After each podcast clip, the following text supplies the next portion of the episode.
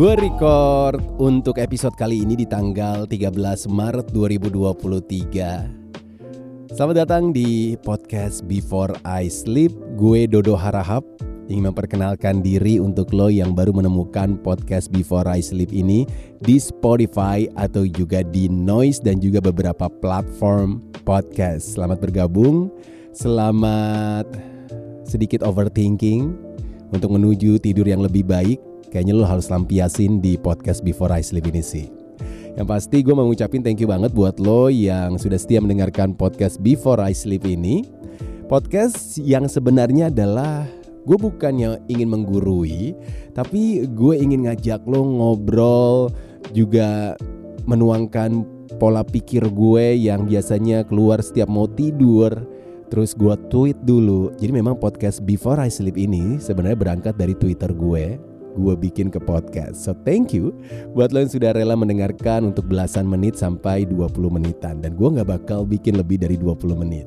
So ya, yeah, di episode kali ini, gue ingin mengingatkan lagi buat lo yang belum mendengarkan audio series Quarter Life Crisis di aplikasi Noise.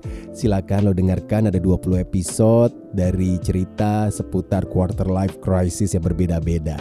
Dan juga jangan lupa untuk follow Instagram at Dodo Harahap, at podcast B4 e Sleep, sleepnya tidur, dan juga subscribe YouTube channel Podcast Before I Sleep. Dan di episode ke-15 di mana di season 4 ini gue itu tergerak untuk membahas seputar relationship karena apa? Relationship ini gue pilih karena ketika gue menyadari yang mendengarkan podcast ini range usianya ya di usia dari belasan tahun sampai 35 tahun akhir. Jadi 40 sedikit banget but it's okay masih bisa menyimak nah ini nih yang di era yang bukan di era sih ya di umur belasan tahun sampai 30-an tahun ini yang enak banget buat kita bahas yaitu relationship di mana kali ini gue akan membahas tentang perubahan di sebuah relationship yang di mana ini akan langsung berada dalam toxic relationship. Before I sleep. Aku janji bakal berubah buat kamu. Iya aku janji kok gak akan ngulangin hal yang sama. Iya aku janji akan lebih baik dari yang sebelumnya. Dan masih banyak lagi contoh-contoh kalimat untuk meyakinkan untuk balikan. Atau kalau gue taruh ya sudut pandangnya dari teman curhat lo. Yang biasanya bilang, lo yakin masih mau sama dia terus lo bilang gue yakin kok masih pengen balikan sama dia dan gue yakin dia bakalan berubah gini ya untuk hubungan yang satu ini memang kendalanya adalah di kita yakin bisa menjadikan yang lebih baik atau lo ingin banget balikan dan lo punya janji ingin lebih baik lagi tapi ternyata kalau dari artikel yang gue dapat di kompas.com, toxic relationship mungkin seseorang ini akan mencoba berubah, memperbaiki diri, lalu berharap semuanya akan membuat pasangannya berubah menjadi lebih baik.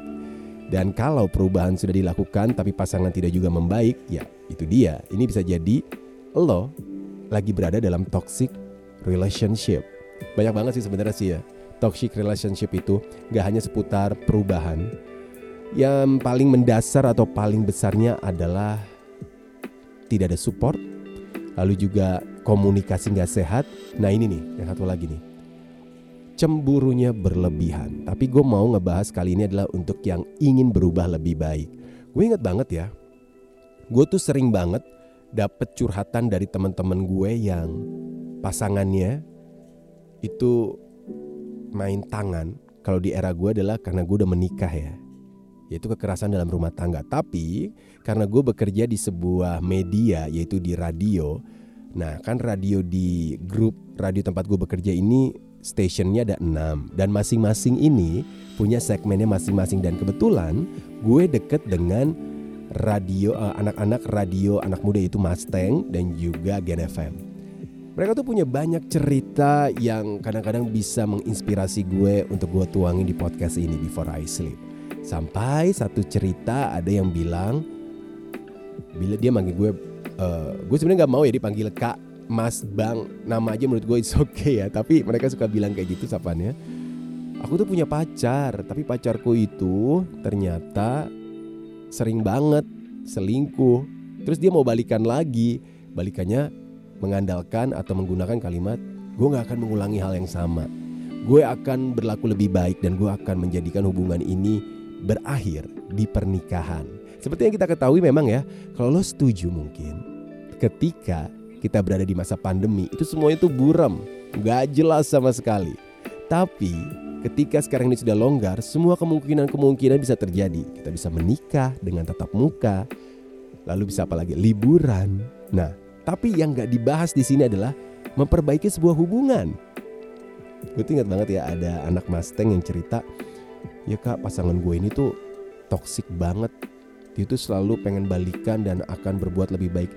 Cewek mana sih kak yang gak luluh digituin? Cewek mana sih kak yang gak langsung meleleh hatinya? Karena mantan, gini ya gue setuju banget. Mantan kalau ketemu itu kayak glowingnya luar biasa. Lu setuju gak sih? Kayak dia tuh lebih bersinar, lebih bercahaya, lebih mengkilap.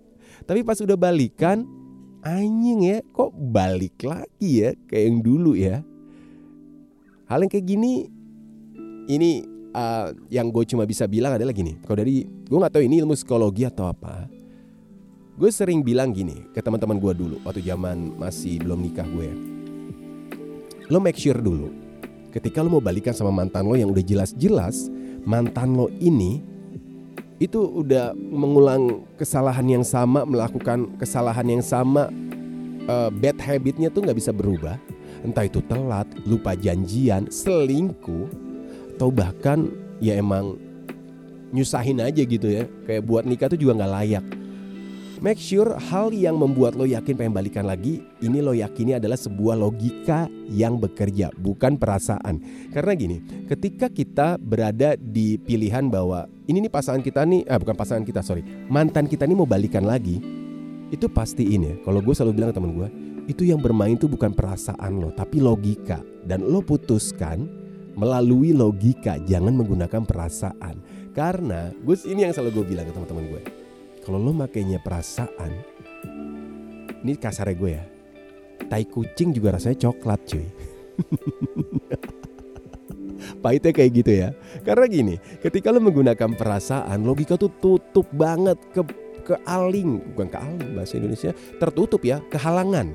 Kehalangan dengan rasa berbunga-bunga lo lo memba lo membayangkan bahwa uh, mantan lo ini kayaknya bakal bisa deh memperbaiki kesalahannya. But at the end of the time, mengulangi kesalahan yang sama dan itu sebenarnya udah bisa lo takar atau lo prediksi ketika uh, ya lo melihat sosial medianya. Kalau sekarang gampang banget ya lo bisa lihat sosial medianya bagaimana. Oh, gue punya cerita dari temen gue sampai sekarang belum menikah karena dia punya kendala sama mantannya nggak bisa mm, move on dari dia. Tapi dia tuh sebenarnya pengen move on tapi gue nggak tahu ya ada orang-orang yang memang merasa iba dengan mantannya. Jadi teman gue ini sebut aja Vera cewek. Dia itu udah pengen lepas dari mantannya tapi mantannya cowok ini kita sebut aja Oki ya. Si Oki ini dia itu uh, gak bisa lepas dari mantan gue. Mantan gue sih dari temen gue ini karena taking benefit taking benefit. Selalu ngambil keuntungan. Jadi teman gue nih yang sebut saja Vera ini nih rela nih. Gajinya itu dikasih ke si Oki. Oki minta apa rela banget dikasih. Oki butuh ini dikasih sama Vera. Tapi uang yang dia kasih itu atau barang yang dikasih buat si pacar ini si Oki itu disalahgunain bukan ke uh, narkoba ya enggak enggak. Oki ini dia tuh lifestyle-nya tuh tinggi tapi omsetnya enggak. Jadi kayak hidupnya ketinggian daripada uang jajannya. Ada ya orang kayak gitu ya. Nah si Oki ini pinter banget speaknya ke teman gue Vera. Sampai pada akhirnya dia curhat ke gue dok ini gimana ya mantan gue mau balikan lagi. Terus gue balikin. Terus lo gimana? Lo mau apa dari mantan lo? Apa yang mau lo harapin ketika separuh dari gaji lo selalu lo buat support dia tapi dia nggak pernah peduli sama lo? Vero cuma bilang jujur ya dok ya. Gue tuh kasihan sama dia saking kasihannya sama dia gue tuh jadi sayang sama dia. Wow gue bilang langsung what? Oke. Okay. tapi gue balikin Oki kasihan gak sama lo? Terus dia bilang eh gue gak peduli sih dok tapi gue udah terlanjur sayang. Oke gue langsung angkat tangan. Oke fair ini yang main udah bukan logika ya fair ini yang main adalah udah perasaan lo. Gimana? Perasaan lo ini nih harus dipecahin dengan logika oke. Gue cuma bantu mengangkat logikanya dia sekarang gini deh fair kalau lo nikah dengan cowok ini dan dia juga nggak mau berjuang tapi dia maunya tuh dapetin dari lo doang tapi dia nggak mau memberi. Kan kalau lo setuju ya? Kalau dalam sebuah relationship itu adalah take and give. Kita nggak cuma meminta tapi juga kita memberikan. Di beberapa love language juga ada seperti seperti itu. Giving gift atau uh, ask uh, affirmation juga deh kalau nggak salah ya. Nah, memberi dan meminta gitu kan. Gue bilang ke Vera, kalau emang pasangan lo ini mantan lo ini mau balikan tapi nggak akan membuahkan sebuah masa depan yang baik, better lo mencoba menghilang dari dia, menjauh, lo lo cancel semua telepon dari dia, nggak usah lo jawab, nggak usah lo bahas karena bisa jadi itu adalah kekuatan dia untuk bisa menggoyahkan niat lo yang tadinya pengen lepas dari dia. Dan gue nggak tahu sih sekarang tuh dia bagaimana. Semoga dia udah bisa menentukan ya apakah ingin balikan atau mencari yang baru. Karena gini, buat lo juga yang sama, lagi ada dalam kondisi toxic relationship, yaitu mantan yang pengen balikan tapi mantan ini tidak berpengaruh besar sama lo dan bahkan menjadi benalu gitu ya.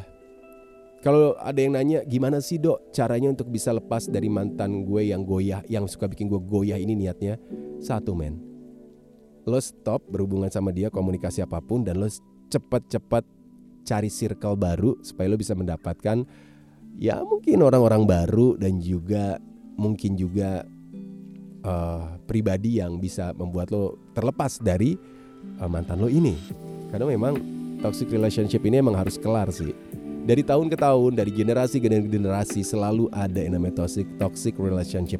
Even untuk yang sudah menikah pun, ah, oh, itu lebih rumit. Jadi buat lo yang memang saat ini lagi dihadapin sama mantan lo yang pengen ngajak lo balikan, tapi lo tuh kayak bisa berubah gak sih? Gue cuma bisa kasih uh, sedikit sudut pandang ya kalau lo mau merubah seseorang dan lo baru ada di bagian hidup seseorang itu di bawah separuh dari masa hidupnya, let's say. Lo punya mantan nih, lo mau rubah. Mantan lo umurnya 25 tahun. Sedangkan lo kenal sama dia baru 3 tahun dan lo mau merubah. Gue cuma bilang sama lo. Orang bangun candi tuh bisa cepat. Tapi mempertahankannya itu sulit banget. Apalagi kalau lo yang baru kenal seumur 3 tahun, lo tuh kayak mau mecahin batu, tapi batunya tuh udah kokoh banget bertahun-tahun bahkan berbelasan tahun. Jadi daripada lo buang-buang energi, kenapa enggak? Energi lo yang besar ini lo simpan buat orang yang lebih pantas dapetin energi lo. Before I sleep.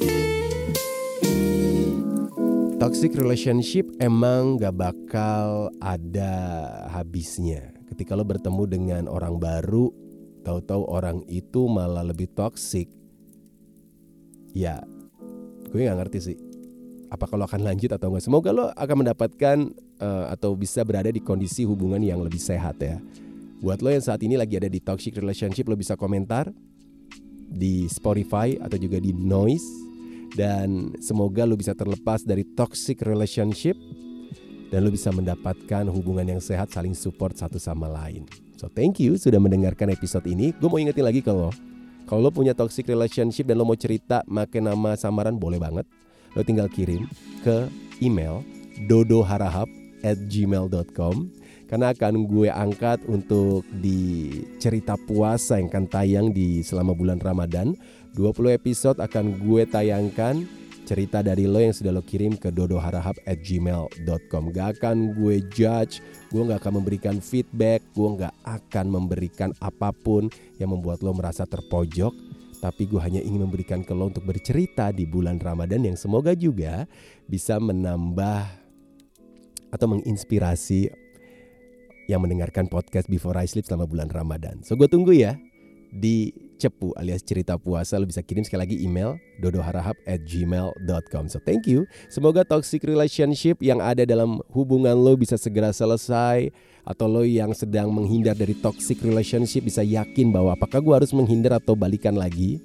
Dan semoga buat lo yang sedang berusaha untuk menciptakan hubungan yang sehat bisa segera terwujud. So thank you. Jangan lupa untuk follow Instagram sekali lagi at dodoharahap at podcast B4 Isleep. TikToknya juga boleh, podcast Before I Sleep. Dan juga subscribe YouTube channel podcast Before I Sleep. Kita ketemu lagi di episode selanjutnya Before I Sleep yang bisa lo dengarkan di Spotify dan juga di aplikasi Noise serta platform podcast lainnya. Kita ketemu lagi di episode ke-16. So thank you. Selamat istirahat. Bye now. Before I sleep with